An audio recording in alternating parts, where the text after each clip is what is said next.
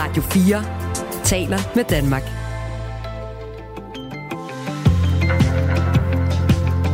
Velkommen til Radio 4 morgen.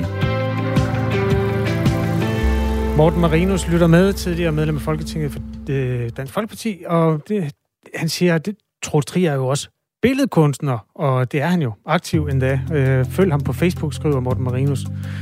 Han, jeg ved ikke engang, om det er for at markere hans fødselsdag, eller der er bare sådan et nyt billede af ham fra i går, hvor han sidder og ligner det glade vanvid. Det har han jo altid gjort. Det er dejligt. Alive and kicking.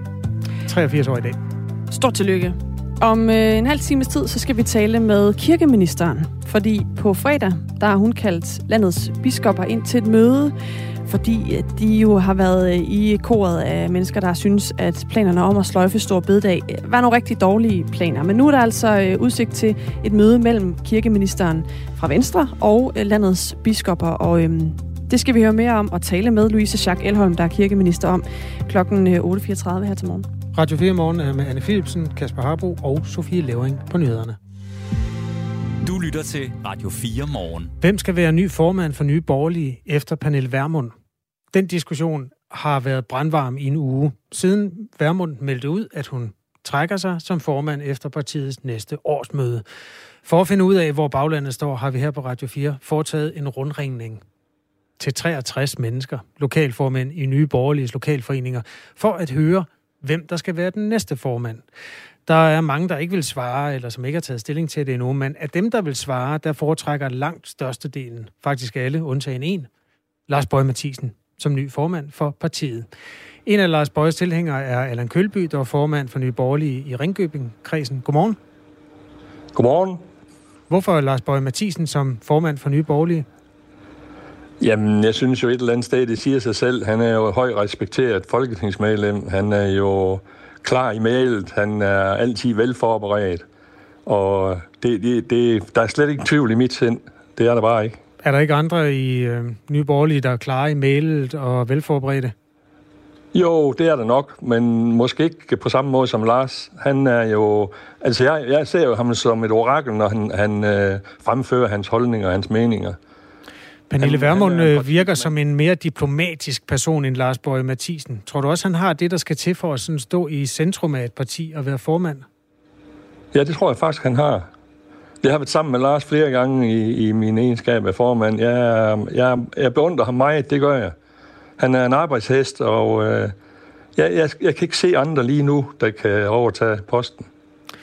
Vi har ringet til 63 lokalformænd. Der er ni, der siger, at Lars Bøge Mathisen skal ny, være ny formand, og Allan Kølby fra Ringkøbing er altså en af dem. Øh, så er der en enkelt, der foretrækker Mikkel Bjørn, som er et af de unge skud, en nyvalgt øh, folketingsmand, Mikkel Bjørn. Hvorfor egentlig ikke ham, Allan Kølby? Jamen, jeg synes, at Mikkel han er en fantastisk dygtig ung mand. Det skal der ikke have tvivl om. Men jeg synes, det er for tidligt. Øh, jeg synes, han skal have lidt mere hår på brystet i Folketinget inden.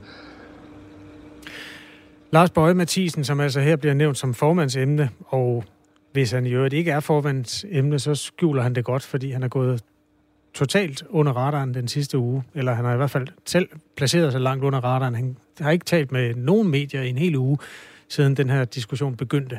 Det er jo en mand, der har ført ordet og talt højt mange gange på vegne af nye borgerlige.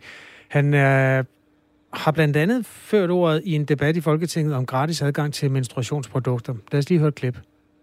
Være underbukser på offentlige toiletter. Jeg går en tur spontant, så skider jeg i mine bukser. Øh, det, det, det er også et uheld. Kan, du lige dæmpe det lidt ned? Værsgo. Jamen, det, det, det, hvis jeg det gør, så laver jeg afføring i, i, i, min, i mine bukser. Skal vi også der have toilet? Eller skal vi til at underbukser på offentlige toiletter? Fordi det, det kan jo også være, at jeg lige pludselig har behov for det. Det er jo også tilgængelighed. Ah, måske vil man nok sige, at jeg har et ansvar for at tage et par underbukser med i lommen, hvis jeg tror, at jeg ikke kan styre min afføring.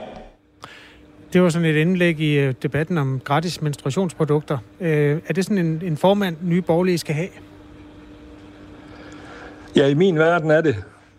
Man skal jo tage det indlæg som en, uh, hvad skal man sige, ikke en joke, men, men det er hans måde ligesom at gøre opmærksom på, hvad det er, det handler om. Og det, det kan jeg godt lide. Jeg kan godt lide, at han er klar i mail. Jeg kan godt lide, at han har en form for hans egen humor, hvad det angår. Mm. Så jo, det er, jeg er slet ikke i tvivl. Overhovedet ikke. Det kommer så... Altså, formandstil smitter jo også meget af på, hvad partiet bliver for et parti. Kunne du godt tænke dig, at Nye Borgerlige blev et lidt mere larmende, øh, sådan protestagtigt parti? Ja, det vil ikke have spor imod. Fordi jeg synes jo et eller andet sted var det jo sådan, det startede, kan man sige, i det små. Og øhm, der, der er jo ikke, det er jo ikke noget, nogen hemmelighed. Jeg kan slet ikke forstå, hvorfor der er alt det polemik øh, i pressen med, med Pernille. Hun har jo fra starten af klart meldt ud, hvornår og hvordan. Så det kan jeg slet ikke forstå. Det eneste, jeg måske kan som lokal formand være sådan lidt øh, ked af, det er tidspunkt, hun melder det ud på. Øh, lige før hun skal på øh, landsturné, øh, eller hvad man skal kalde det. Hun kommer jo rundt og besøger en del af lokalforeninger her i foråret. Det skulle måske have ventet til lige efter. Men ellers, det, ellers så har vi jo vidst det altid. Så det er ikke noget nyt i. Nej, jeg, jeg vidste det også godt, men jeg synes jo, det er fedt at lave polemik, som du kalder det, eller indslag om politisk retning for et politisk parti, når, når der nu skal til at vælge en ny formand. Altså, det er jo en oplagt lejlighed til at diskutere, hvad et parti skal stå for. Og Blå Blok øh, er jo altså, den er jo ikke blevet mindre øh, befolket på det sidste, så derfor er det også vigtigt, at I får fundet en, en kurs for jeres parti, der gør, at I kan skille jer ud. Det må, da, det må du da tage imod øh, med, med køshånd, at med, vi snakker om jeres parti i radioen. Ja, helt bestemt. Men nu, tænkte jeg, nu fik jeg jo så drejet den lidt ind på det polemik omkring Pernille, fordi der har været meget snak om, hvorfor dit og hvorfor dat. Det, det, øh, det er jo sådan set ligegyldigt. Det har hun jo meldt ud fra starten af. Men du har fuldstændig ret i, at, at uh, vi, vi fik jo ikke det folketingsvalg, som vi havde håbet på. Slet ikke. Så vi har brug for Lars til at, at promovere vores parti igen. Ingen tvivl om det. Blå Blok er et kæmpe gedemarked nu om stunder. Øh, hvordan ja. skiller man sig ud der? Jamen, man skiller sig måske ud på mange punkter. Jeg, jeg synes, vores politik hele tiden øh, i offentlig eller i pressen drejer sig om, om flygtningepolitik, men vi har jo meget andet på, på, på tapetet. Ja, men øh, er tiden løbet fra det? Det er faktisk interessant, fordi øhm, i vores rundringning, der var der som sagt en lokal formand, der sagde, at han foretrækker Mikkel Bjørn som formand for Nye Borgerlige, og det, det handler simpelthen om det her. Han hedder, altså ham vi talte med, han hedder Helge Ibsen Hoffmann og er formand for Nye Borgerlige i Skivekredsen. Han forklarer her, hvorfor han helst til Mikkel Bjørn som formand eller ny politisk leder for Nye Borgerlige. Jamen, det gør jeg jo nok, fordi, øh, du, øh, fordi han, som du selv siger, er nationalkonservativ, og det er jeg også. Og øh, når man er det, så går man jo op i at værne om vores nationale identitet og vores øh, danske værdier og vores folkelige fællesskab. Og den største trussel mod det lige nu, det er den massive indvandring. Og øh, det har man ikke et godt blik for. Det synes jeg bare ikke, jeg hører så meget om fra Lars Bøje. Sagt på en anden måde, Allan Kølby, han synes, at man skal gøre sig tydelig ved at stå for det indvandrerkritiske, eller indvandringskritiske i hvert fald. Har han en pointe, du kan tilslutte dig? Ja, det har han da. Helt bestemt. Men det, det kan jeg nu også godt sagtens høre uh, Lars komme med. Det, det, altså holdningen er jo den samme. Han har bare en anden måde at sige det på. Og jeg ved godt, at, at, uh, at Mikkel han er, er meget fremmelig i øjeblikket med hensyn til det med indvandring. Men det er jo vores parti, det står jo for, at, at at vi er jo indvandrerkritiske. Vi er jo ikke, øh, vi er jo ikke racistisk på, på nogen måde, men vi er jo indvandrerkritiske. Og det, der altid er blevet sagt også fra Pernille, det er jo, at, at øh, indvandringen, den skal, altså flygtningepolitikken, indvandrerpolitikken, den skal, den skal startes fra bunden af, og det er jo, at, at vi vil have alle kriminelle og førstegangsdømte, de skal udvises. Og det, vi har jo ikke, vi har jo alle de mennesker, der går her og passer deres arbejde og betaler deres skat og så videre, og lader være med at slå gamle damer ned på gaden. Det har vi jo ikke noget imod. Overhovedet ikke. Det her det er altså en samtale med Allan Kølby, der er formand for Nye Borgerlige i Ringkøbing-kredsen. Vi har haft mange af dem. Vi har simpelthen talt med 63 øh, lokalformænd i bestræbelserne på at finde ud af, hvem der skal være formand for Nye Borgerlige. Øhm, der er simpelthen ikke en eneste, der har sagt, at de foretrækker den nuværende næstformand, Peter Sejer Christensen, som ny formand. Peter Sejer var med til at stifte Nye Borgerlige i sin tid, øh, bort til Lars Sejer, kendt for Liberal Alliance, men ellers ikke en Ja, altså for at være helt ærlig, jeg kunne ikke genkende ham, hvis jeg mødte ham på gaden, selvom jeg godt ved, at han er en vigtig politisk mand. Øh, hvad er det, der gør, at han øh, er så usynlig, og hvorfor er der ingen, der nævner ham som næstformand, øh, som et øh, formandsemne? Jamen, jeg tror, det er fordi, at øh, Sejer, han er jo sådan en, øh, en øh, form for baggrundsfigur. Han er jo han er jo meget stille, og, og ikke den der frembrusende politiker, som de fleste andre er. Men til gengæld så er han jo, hans hjerne, den, den fungerer jo på en helt anden måde. Han er jo hammerne dygtig til det, han laver. Men han ønsker jo selv at, at være lidt i baggrunden, kan man sige. Jamen, øh, Allan Kølby, vi får se, om øh, Lars Bøge Mathisen, han på et tidspunkt øh, dukker frem igen. På, har du talt med ham den sidste uge?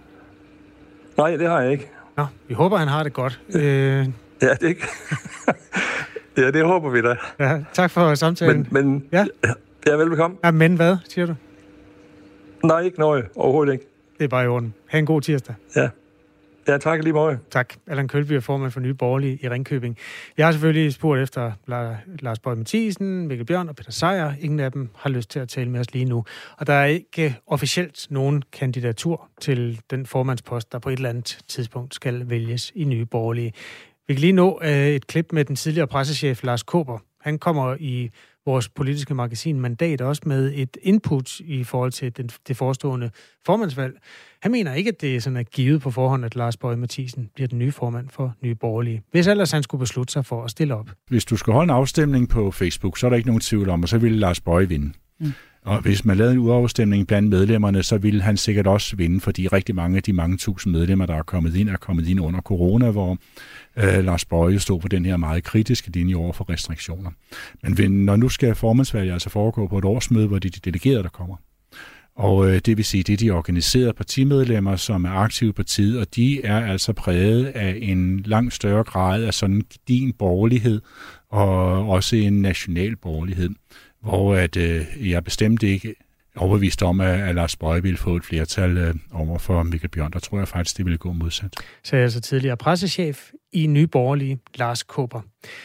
Du lytter til Radio 4 morgen, 17 minutter over 8, tirsdag formiddag. Overskud på Radio 4 med Sofie Østergaard hjælper dig med at få mest muligt ud af dine penge. Så er det her tidspunkt måske også lige præcis her, hvor vi så lige skal gå igennem vores forsikringer, vores lån. Kom i gang med at investere i aktier eller få gode råd til, hvordan du lægger dine lån om. Altså prøv lige at gøre det, og så prøv lige at se, hvor mange penge man rent faktisk skal spare. Find Overskud som podcast i vores app og lyt med tirsdag kl. 13. Radio 4 taler med Danmark. Det her er Radio 4 morgen. Dybt bekymrende og ikke betryggende. Det er nogle af de tilbagemeldinger, vi har fået her på øh, Radio 4 fra Liberal Alliance og Danmarksdemokraterne, efter vi har øh, taget kontakt til flere forsvarsordfører for at få deres reaktion på, at statsrevisorerne i går udtalte en hård kritik af Forsvarsministeriets økonomistyring. Det er en øh, kritik, der baserer sig på to undersøgelser, som Rigsrevisionen har lavet for statsrevisorerne, og begge viser, at ministeriet ikke har styr på økonomien, og at man ikke kan redegøre for, om forlispengene er blevet brugt rigtigt, når det kommer til de i alt 12,8 milliarder kroner, som man øh, satte af i forbindelse med forsvarsforliget i 2018. Og dermed så har Forsvarsministeriet ikke levet op til de grundlæggende og almindeligt udbredte principper for god statslig økonomistyring, lyder det i konklusionen.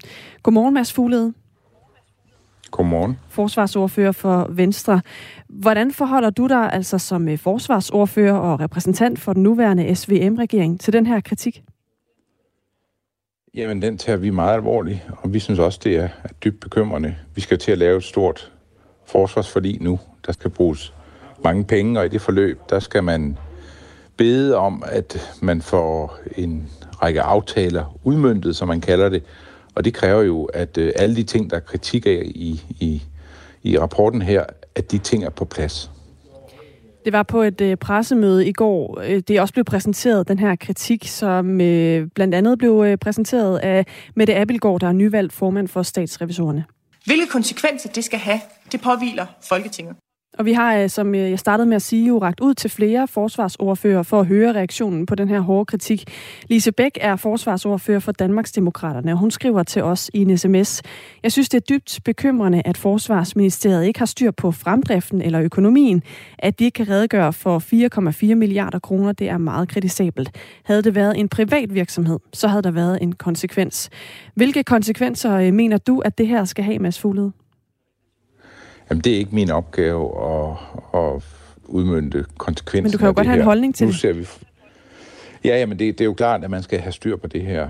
den kritik, der kommer, tager vi meget alvorligt. Og når vi skal til at bruge flere penge og lave et forlig nu, så går det jo ikke, at der ikke er styr på økonomistyringen. Så det, det skal være helt på plads, når vi nu går i gang med den fase, der handler om at få det danske forsvar øh, forandret og væsentligt øh, opgraderet. Så vil det være meget, meget ærgerligt, hvis man, hvis man ikke har styr på de her ting. Så det skal man have styr på. Og hvordan får I styr på det? Jamen det, det handler om at få øh, taget fat i den øh, øh, kultur, som, øh, som ikke har været på plads, og sørge for, at, øh, at, at det vi som politikere beder om, og det vi laver i et aftalegrundlag, at det også er noget, som så bliver leveret på. Hvor er den kultur egentlig opstået henne? Altså det, øh, det vi kan se også øh, fra, fra dem, der lytter med her til morgen, der skriver ind på vores sms, det er, der er jo en undren over, at det ikke bare har været kutyme, at man øh, sørgede for at kunne redegøre for, hvor for eksempel øh, pengene er brugt henne. Altså hvordan er den her kultur opstået? Det, det vil jeg ønske, at jeg kunne svare på. Øh, så, så vil vi jo kunne, kunne løse det, men det, det svar har jeg ikke. Men vi må som politikere, og det må øh, være vores, vores, vores udgangspunkt for at kunne lave et forlig, at være helt sikker på, at når vi nu kigger fremad nu, og ved, at det her, det her har man været øh, dårligt til tidligere, at det går ikke, at det fortsætter sådan. Det skal man blive bedre til. På pressemødet i går, der øh, blev det også understreget, at den her kritik faktisk øh, langt fra er ny. Også tilbage i 2011, der gjorde statsrevisorerne øh, for eksempel Folketinget opmærksom på, at der var væsentlige problemer med forsvarets økonomistyring. Og faktisk så kan man helt tilbage til 2003 finde artikler, hvor Rigsrevisionen er ude med kritik af Forsvarsministeriets tilsyn med øh, forsvarets økonomi. Hvordan vil I øh, i regeringen forhindre, at vi ender i den samme situation igen? Altså, det er jo en gammel kritik, som du nævner, og det her har været svært for øh, at, at få styr på igennem en lang årrække. Nu står vi bare i en situation, hvor vi skal ud og lave et nyt forsvarsforlig. Og så bliver vi nødt til for at kunne tage det næste skridt og være helt sikre på, når vi aftaler, at der skal øh, købes materiel til nye enheder. Alt det, der nu skal, skal, skal skabes i det danske forsvar, der skal øh, Øh, reetableres på mange områder nu, så skal vi være helt sikre på, at det vi aftaler, det er også noget, man leverer på, og man leverer på det inden for en tidsramme og inden for en økonomiramme, som vi er alle sammen helt trygge ved. Og så må man øh, sørge for, at det er realistisk, øh, det man melder tilbage, man kan levere på.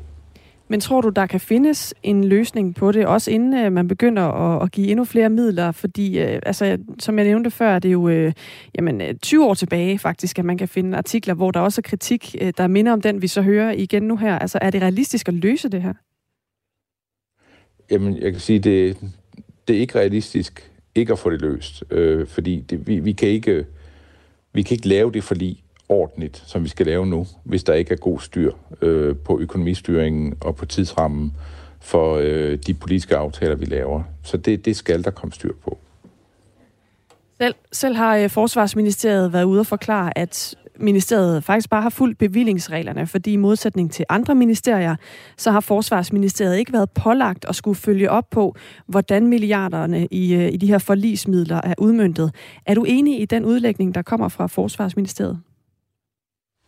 Ja, det er jeg helt enig i. Øh, og, og jeg er meget glad for, at øh, både ministeriet og, og, og at, øh, vores øh, nye dygtige forsvarsminister er, har, har blik for det her, fordi det er så vigtigt, at vi har det grundlag øh, på plads, når vi nu skal øh, lave et nyt forsvarsforlig.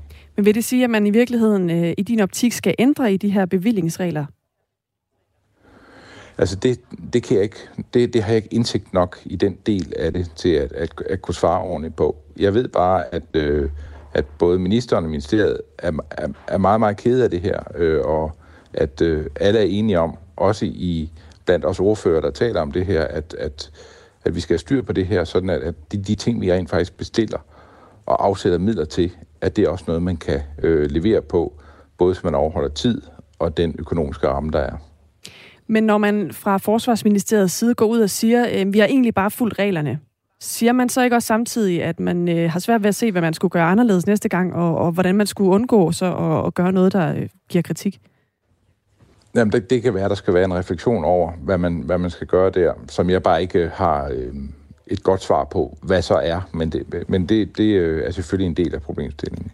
Hvem har det svar? jamen det, det skal ministeriet jo levere et svar på. Vi nærmer os jo et øh, forsvarsforlig inden ret længe, hvor der jo så også er planer om at tilføre forsvaret endnu flere midler. Og øh, hos Liberal Alliance, der hedder forsvarsordføreren Carsten Bak, og han skriver i en sms, det er ikke betryggende, at forsvarets økonomistyring halter på et tidspunkt, hvor vi står over for at skulle tilføre forsvaret et betragteligt milliardbeløb ekstra hvert år i den kommende forlisperiode. Øh, jeg gætter på, Mads Fuglede, at du øh, godt kan følge den kritik. Øh, men jeg skal bare lige forstå en gang til, øh, altså, hvad for nogle redskaber ser du som forsvarsordfører i værktøjskassen, man kan gøre for at gribe ind på det, som det lyder som om, at de fleste af jer er enige om, altså at, øh, at det her det er et problem, der skal løses? Altså på et tidspunkt skal vi jo i den kreds, der skal lave et nyt forsvarsforlig, sidde og øh, se på de forskellige ting, der skal udvikles i det danske forsvar. Og der vil der komme nogle overslag, både hvad handler om pris, øh, hvor meget koster det, hvad skal vi afsætte af midler til det, og det, skal, det handler også om, inden for hvilken tidsramme kan man så opfylde øh, de her mål. Øh, og, og, og der skal man være meget nidkær i sin, øh, i sin gennemgang af de her ting, sådan at øh, det vi går ud og lover danskerne øh, på det her område, det er også noget, vi øh, så vidt muligt er i stand til at, at overholde, og vi skal gøre det bedre, øh, end man har været i stand til at gøre øh, historisk. Vores lytter Jon har øh, skrevet ind på sms'en, hvor mange penge kan Forsvarsministeriet ikke gøre redde for? Det, det, jeg, kan, jeg kan ikke det, det præcise tal, og jeg kan heller ikke alle øh, kritikpunkterne i, i, i detaljer, men der er jo tale om et milliardbeløb. Og netop det her øh, milliardbeløb er jo også noget af det, som øh, flere af dem, øh, vi har talt med forsvarsordførende, hæfter sig ved, som jo netop også peger på det her med, som du også selv har været inde på, vi står over for store investeringer. Og der spørger Lise Bæk fra Danmarksdemokraterne så også, kan vi have tillid til Forsvarsministeriets forvaltning af dem? Mener du, Mads Fuglede, at vi kan have tillid til, at de penge, som I formentlig inden så længe bliver enige om at afsætte, bliver forvaltet på en ordentlig måde? Jamen den tillid, den skal vi jo... Altså udgangspunktet for at gå i gang med de her forhandlinger, er selvfølgelig, at vi har tilliden til, at de ting, vi aftaler, det også er noget, vi kan få leveret til den tid. Vi beder om det, og inden for den økonomiske ramme, som vi har afsat midler til. Øh, så, så den tillid skal vi have opbygget, og vi skal i forhandlingerne være helt sikre på, at, øh, at det, vi går ud og præsenterer til offentligheden, når vi bliver færdige, det rent faktisk også er realistisk på de her parametre. Så lød det altså fra Mads Fuglede, der er øh, forsvarsordfører for Venstre. Tak fordi du var med her. Radio 4 taler med Danmark. Der er mange, der... Altså først var der udmeldingen og chokket over, at en helligdag skulle stryges. Så var der den politiske debat. Den er sådan set ikke sluttet nu. Men så sker der så det, der ofte sker om debatter, at der kommer en metadebat, altså en debat om debatten. Ja. Og det er rigtig mange mennesker, der skriver, jeg gider kraftedme ikke høre mere om den øh, store bededag. Øh, blandt dem er Peter, som kommer med et lidt mere kompliceret input. Han skriver, for der sløjfet Kristi Himmelfartsdag og skærer torsdag som helligdag med det samme. Det er så pinligt, at vi skal holde fri, når de knokler på arbejdet i Sverige på de dage. Det er så pinligt. Peter, han fik mig ansporet til at gå ind og kigge på, hvad de egentlig har af helligdage ja, at gøre med i Sverige. det ved jeg egentlig heller ikke. Nej, øh, vores nabosland, som vi nævner, både de var meget oppe i coronadækningen i går også, øh, så sammenligningen er jo meget lige til. I Sverige, der kan man jo for eksempel kigge på skær torsdag. Det er en hverdag. Mm. Der skal du på arbejde. Så ingen skær torsdag? Jo, ja. den er, det er en skær torsdag. Også hos dem? Ja, ja, men de skal på arbejde. Ja. Langfredag holder de godt nok fri. Med anden påskedag lige så. Så har vi, øh, når vi kommer til pinsen for eksempel, øh, mandag den 29. maj øh, er det så i år. Tror jeg nok. Nå, anden pinsedag i hvert fald. Det har siden 2005 været en almindelig hverdag i Sverige. Nå, det er jo ikke så længe siden, de så ja. har afskaffet den. Nej, men de vil gerne arbejde lidt mere. De elsker at arbejde deroppe. Det gælder så også Stor Bededag, at den har de ikke. Den har de aldrig haft. Det er jo en dansk opfindelse mm. tilbage fra Struense. Øh, ja, jamen de, de har ingen de har helligdage. Har der været ramaskrig, når de har fjernet dem? Nej, Ved jeg tror, det? svenskerne er sådan lidt mere til at... Jeg tror ikke, det er en ramaskrigsnation i den forstand. Nej, det kan godt være. De har øhm, jo også øh, majstangen, er det ikke dem? Jo, lige præcis. Så, så kan man klare det meste, det, tror jeg. Glider det lidt ikke? nemmere ned. Jo, ja. helt sikkert. Godt, øh, tak for det input på 1424. Altså, nogen er trætte af den debat. Den er ikke død endnu, det kan jeg da sige. Der er nyheder i øvrigt. Klokken er halv ni. Nu er der nyheder på Radio 4. Socialdemokratiet gambler med partiets kendetegn som Arbejdernes Parti. Og ordene kommer fra Rune Stubær, der er professor og valgforsker ved Aarhus Universitet. Reaktionen den kommer efter regeringens beslutning om at sløjfe Store Bededag. Det er nemlig særligt vigtigt for mange lønmodtagere, vurderer Rune Stubær at have frihed og fridage er noget, som øh, man i fagbevægelsen øh, og deres medlemmer er villige til øh, at betale for, øh, i den forstand, at man jo øh, gradvist øh, i overenskomstforhandlingerne hen over årene øh, har skaffe sig mere og mere frihed, og, og det har man jo betalt en pris for, for ellers så kunne man jo have fået mere i løn øh, i de forhandlinger. Arbejdervælgerne har vist sig at være flytbare hen over midten, og derfor har det også været en central vælgergruppe i dansk politik i de seneste 30 år, som traditionelt har hørt til Socialdemokratiet, siger Rune Stubager. Hvis de mister øh, den øh, vælgergruppe, så øh, vil det også have konsekvenser jo for det flertal, som den nuværende regering er bygget på. En 61-årig tidligere politichef har angiveligt overvåget flere borgere ved at slå deres postnumre, privatadresser og nummerplader op i politiets interne systemer. Det mener statsadvokaten i København, som har rejst tiltale mod ham og kræver ham idømt en fængselsstraf. Mandens forsvar Henrik Stagetorn oplyser, at den 61-årige nægter sig skyldig. Og i dag indleder retten i Nykøbing Falster sagen, som er berammet til tre retsdage.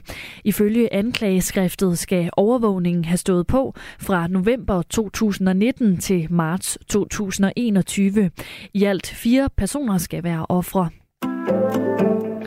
Børnefamilier, som er særligt økonomisk udsatte, kan fra i dag søge akut økonomisk hjælp via Røde Kors.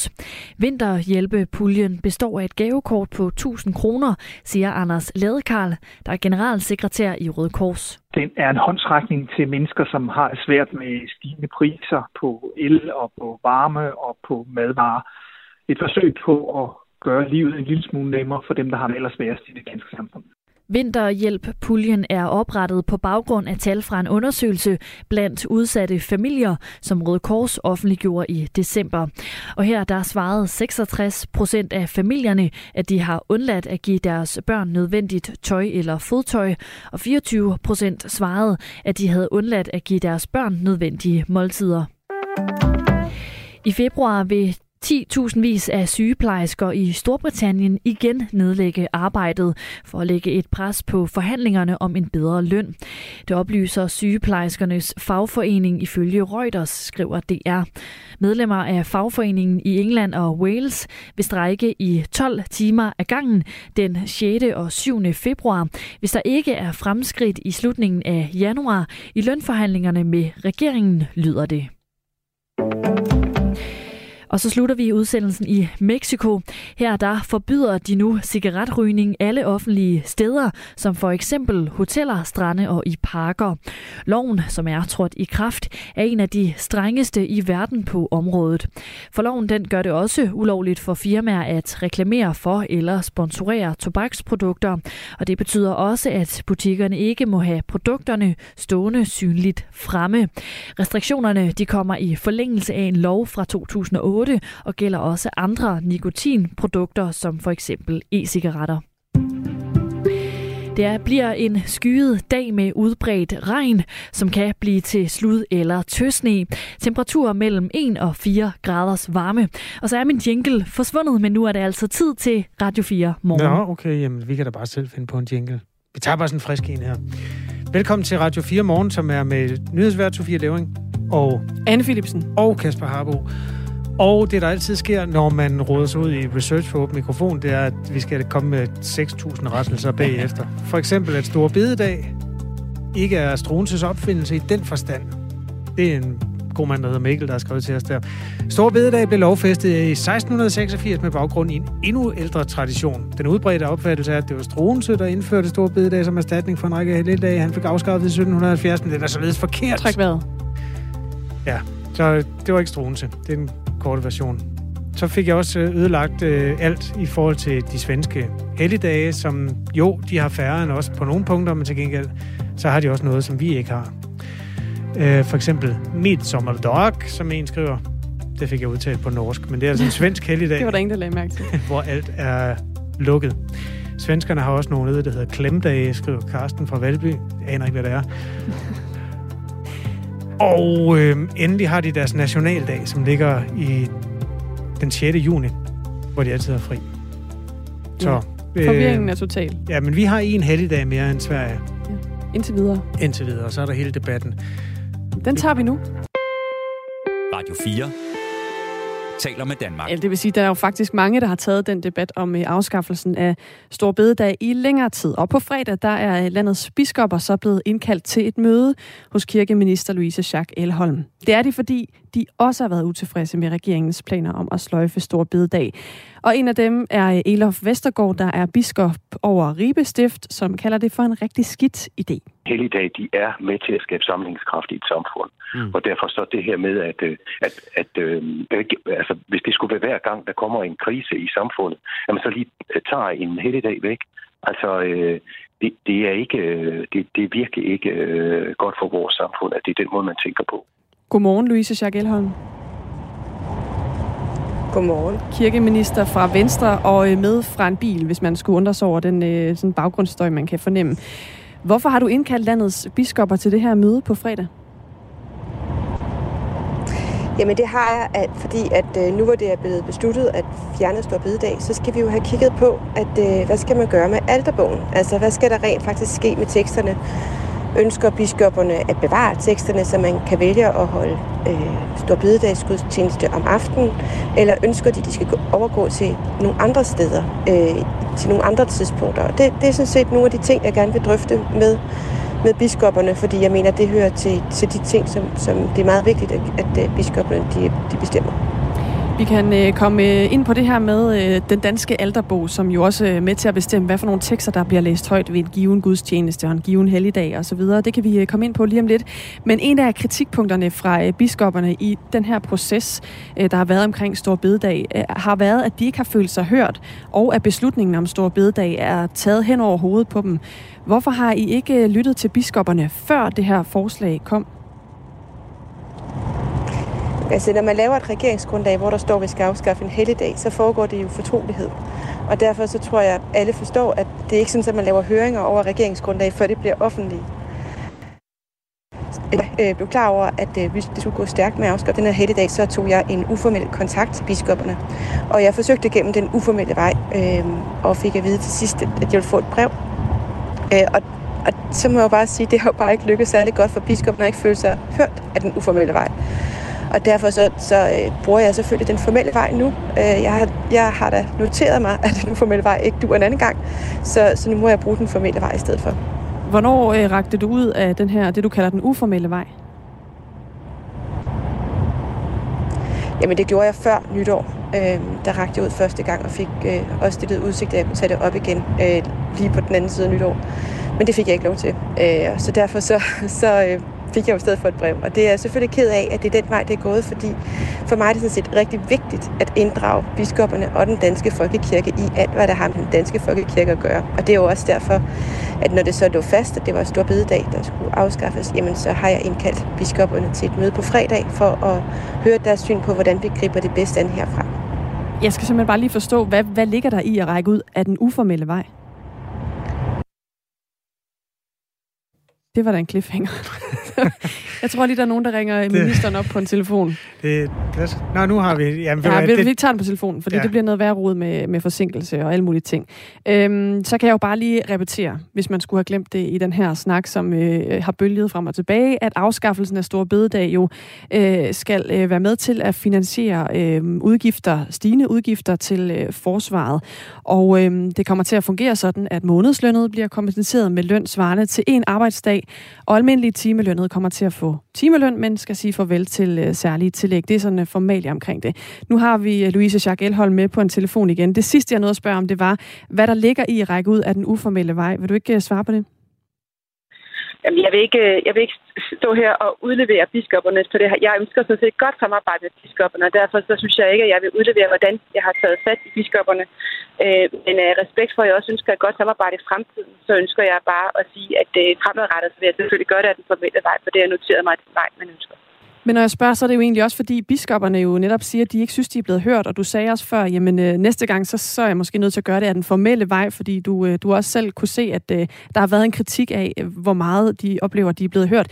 Så det er jo ikke for at hænge øh, biskopperne ud overhovedet, det er mere for at forstå, hvad der er gået forud øh, for den øh, sådan disput, der jo egentlig har været lidt mellem øh, dig som ny kirkeminister og biskopperne. Jamen, jeg har taget fat i biskopperne, det begyndte jeg på. Øh, første gang forsøgte jeg den 22. december, og så igen senere øh, i løbet af december, hvor jeg også forsøgte at få fat. Øh, og at, jeg må bare sige, det har jo så ikke virket. Altså, det har jo, man har ikke følt sig ordentligt hørt, og derfor så må jeg jo også erkende, at det var forkert at gå den uformelle vej. Næste gang, så skal jeg simpelthen indkalde til et møde, et formelt møde, hvor vi kan drøfte de her ting. Fordi det er den eneste måde, at alle føler sig ordentligt hørt på. Og, øh, og det, må jeg, det må jeg jo tage med. Jeg har ikke lyst til at hænge nogen som helst øh, biskopper ud, for jeg ønsker sådan set et godt samarbejde. Jeg synes ikke, at man kan samarbejde godt, når man kaster beskyldninger i medierne til hinanden. Men det, det, øh, det, okay, så lad os øh, parkere den der. Øh, hvorfor var det så, at du egentlig ikke bare valgte den formelle vej fra start, hvis du netop nu tænker, at så havde det her måske ikke været den situation, det endte i?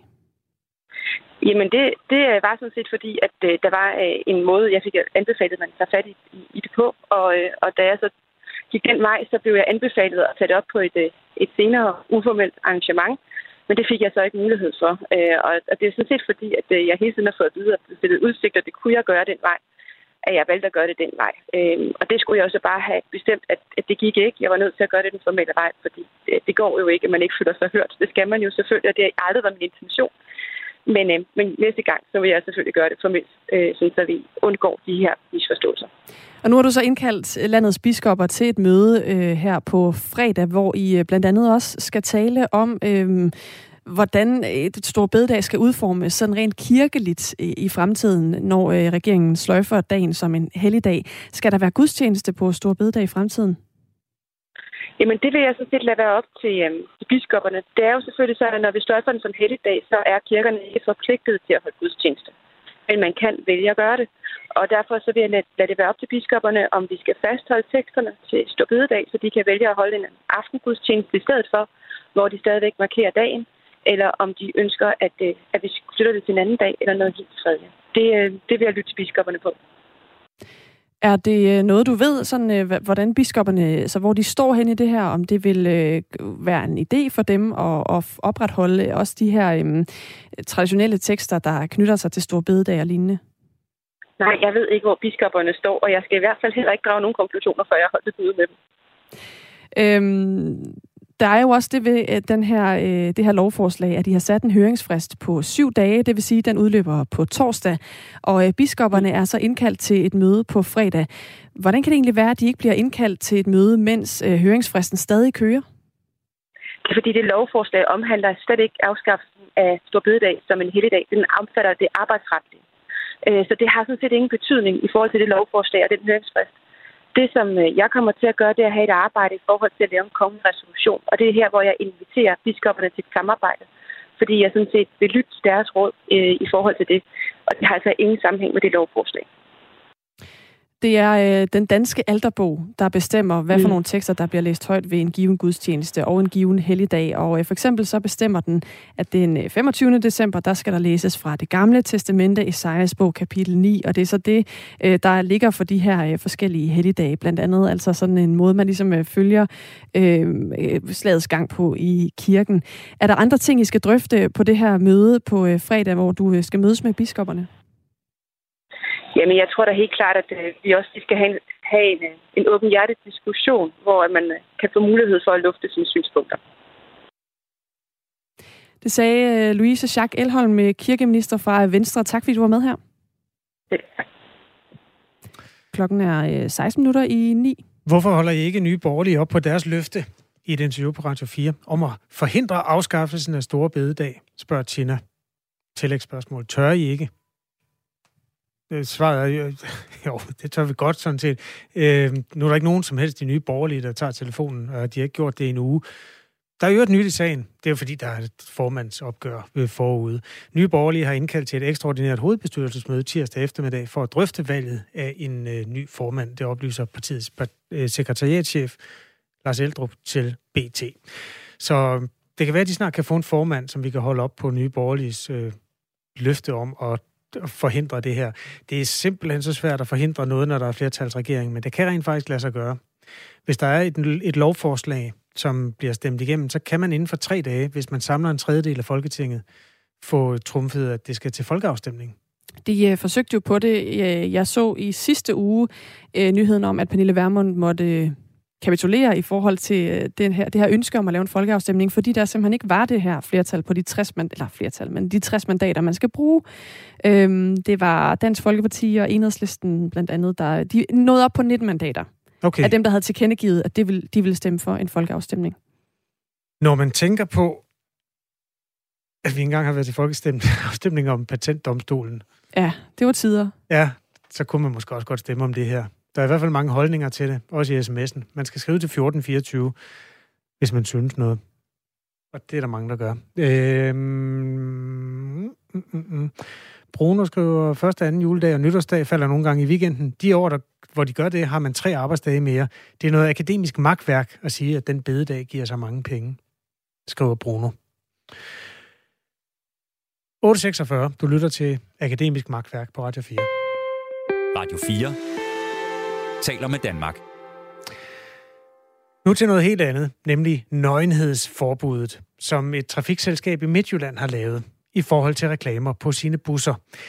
Det har fået sind og debat i K hos mange. Øhm, det er ikke noget nyt, at der bliver forbud mod øh, bare bryster. Øhm, det skete allerede for flere år siden hos Movia, der kører i hovedstadsområdet og er Danmarks største trafikselskab. Det var med udgangspunkt i nogle reklamer mod øh, en stripklub. Midttrafik er nu fuldt trop. Øh, Midttrafik, som står for den offentlige trafik i Midtjylland, og der simpelthen har forbudt, forbudt reklamer med nøgenhed, altså bare bryster eller reklamer for stripklubber på busserne i landets to største byer. Det sker således ikke mere. En af de virksomheder, der har gjort sig meget bemærket ved netop at sætte billeder af bare bryster på busser i hele landet faktisk, det er en øh, kirurgisk virksomhed, der hedder AK Nygaard, som blandt andet tilbyder brystoperationer. Der kører der forskellige busser rundt med bryster på i en periode. Og øh, manden, der stiftede virksomheden Nygaard Privathospital, hedder Jesper Nygaard. Han er med os nu. Godmorgen. Godmorgen. Nu har du solgt øh, virksomheden videre, men du var jo direktør og ejer dengang, hvor brysterne var på, på bussen. Så det er måske et godt sted at tage en øh, principiel debat øh, videre. Hvad synes du om, at man øh, ikke vil have nøgenhed af nogen art på busserne hos Midtrafik? Altså, jeg, jeg må starte med at sige, at porno og sexklubber gør ikke noget godt for børn og unge. Øh, så, men det gør nøgen, øh, nøgenhed. Altså, når jeg lige øh, lanceret en ny online slankeklinik, der hedder Fit for Livet, og planlagt kampagne med store, tykke maver, nøgne maver på busserne, øh, med teksten ny krop, men det ser så ikke ud til at blive noget. Men altså, det, derudover så synes jeg jo, at det er en dødssyg uh, woke-washing, uh, som uh, politikerne i Midtjylland uh, som ejer busserne uh, åbenbart uh, viser her. Uh, de vil gerne vise, at de er rigtig korrekte, og at de vil tage hensyn til en uh, lille gruppe krænkesparate venstreorienterede, der har adopteret amerikansk dommemoral. Der er god fart på dig, Jesper Nygaard. Lad os lige slå fast for det første. Det er et trafikselskab, som så med nogle forskellige underentreprenører driver busdriften i Midtjylland. Øhm, og så kan vi slå fast, at øh, man har sagt nej til nøgenhed i bred forstand. Det var jo den venstre mand, der er formand for Midtrafik, så mere venstreorienteret ja. er han heller ikke. Øhm, hvorfor Men synes du, det er vigtigt? Han Ja, det siger du. Øh, hvorfor synes du, det er vigtigt, ja. at der er nøgne mennesker på busserne?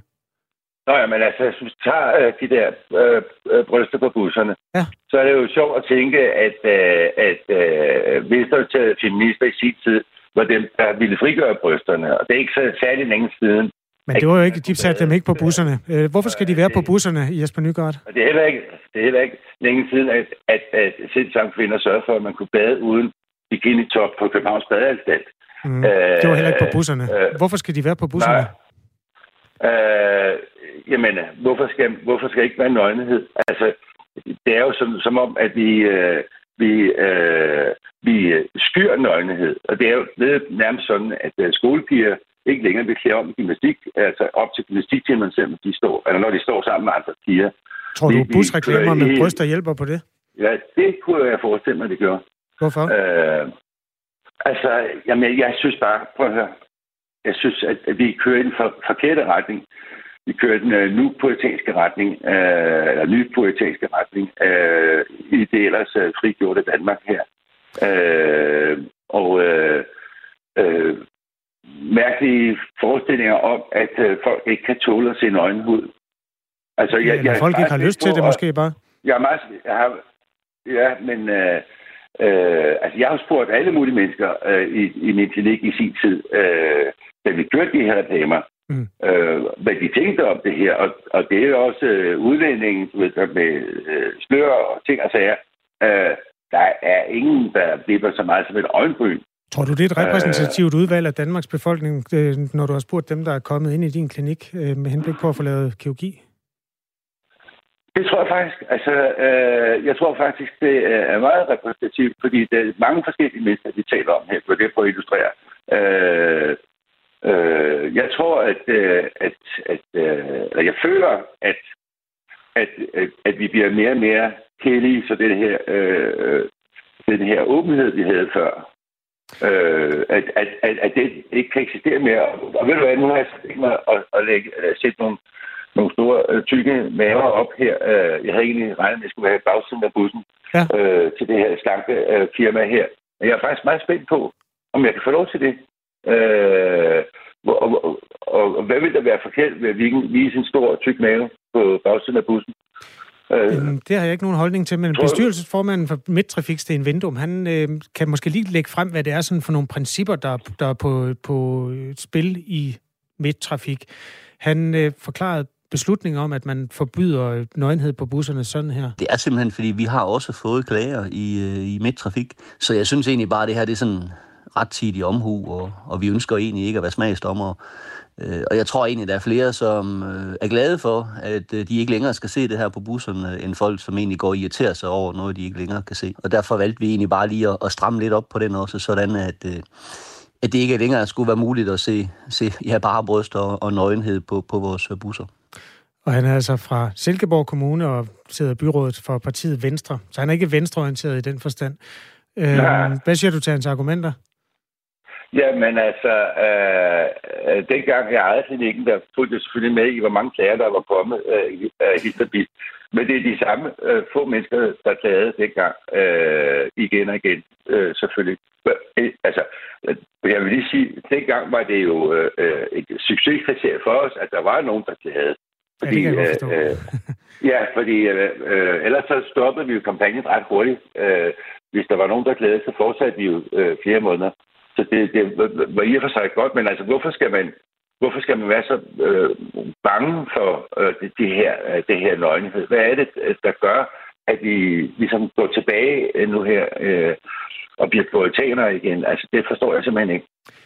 Vores kulturprogram her på Radio 4, øh, det hedder Kreds, øh, talte i går med Signe Ulbjerg Mortensen, der er faginspektør på det museum, der hedder Køn, som beskæftiger sig med både kropslighed og seksualitet og ligestilling og kønnenes kulturhistorie. Du skal lige høre et input på 28 sekunder. Det skal forstås på den måde, at jeg tror egentlig, den her kritik af de her seksualiserende, hvis vi kan kalde dem det, øh, billeder af kvinder, og meget sådan idealistiske billeder af kvinder i det offentlige rum, den har jo eksisteret i rigtig lang tid, uden at der er nogen, der har taget det særligt seriøst. Og der er altså sket noget de sidste år, hvor dem, der der mener det, eller altså som synes, at de her billeder de er problematiske, de lige pludselig har fået meget bredere opbakning i befolkningen, og derfor så bliver sådan nogle ting her taget op, for eksempel med midtrafik. Og det er jo dem, der har læst en folkestemning, og ligesom forebyggende har taget den her beslutning.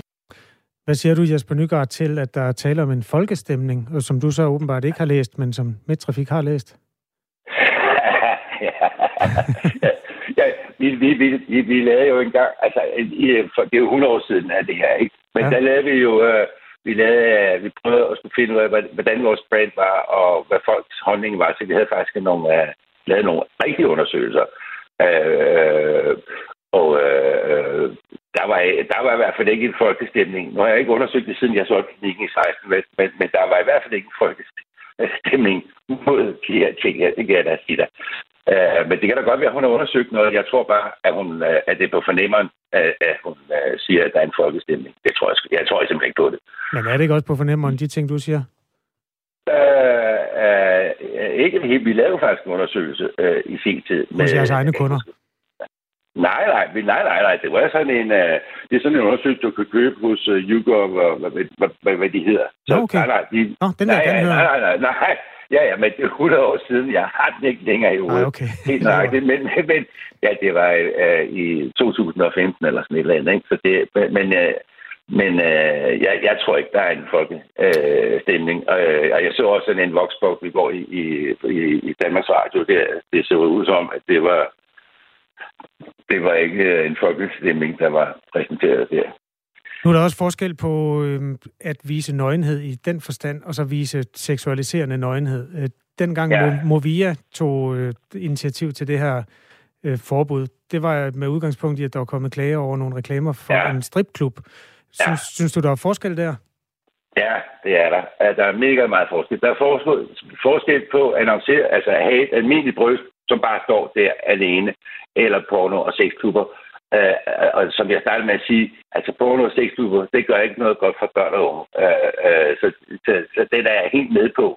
Øh, men øh, øh, jeg synes, at vi skal bevare nøgenheden. Altså, øh, øh, hvis det er relevant i, i den sammenhæng. Øh, øh, og det sker der ikke noget ved. Det, og det, det er en påstand selvfølgelig. Men, øh, ja men, jeg, og jeg, men jeg synes, at, øh, at, øh, at øh, der er en stemning nu her øh, blandt de hele unge om, at man skal være mindre øh, nøgen. Og, og det er jo... Uh, Øh, det er jo ikke bare Movia og de andre. Det er jo, øh, fordi vi er ved at blive amerikaniseret, fordi at Google og Facebook øh, og andre øh, bestemmer, hvad der er acceptabelt og hvad der ikke er acceptabelt. For eksempel, at man kan se kvinders eller mænds bryster og brystvorter, men kvinders bryster, ja, der skal øh, øh, de der to vorter, der sidder på dem, mm. de skal dækkes.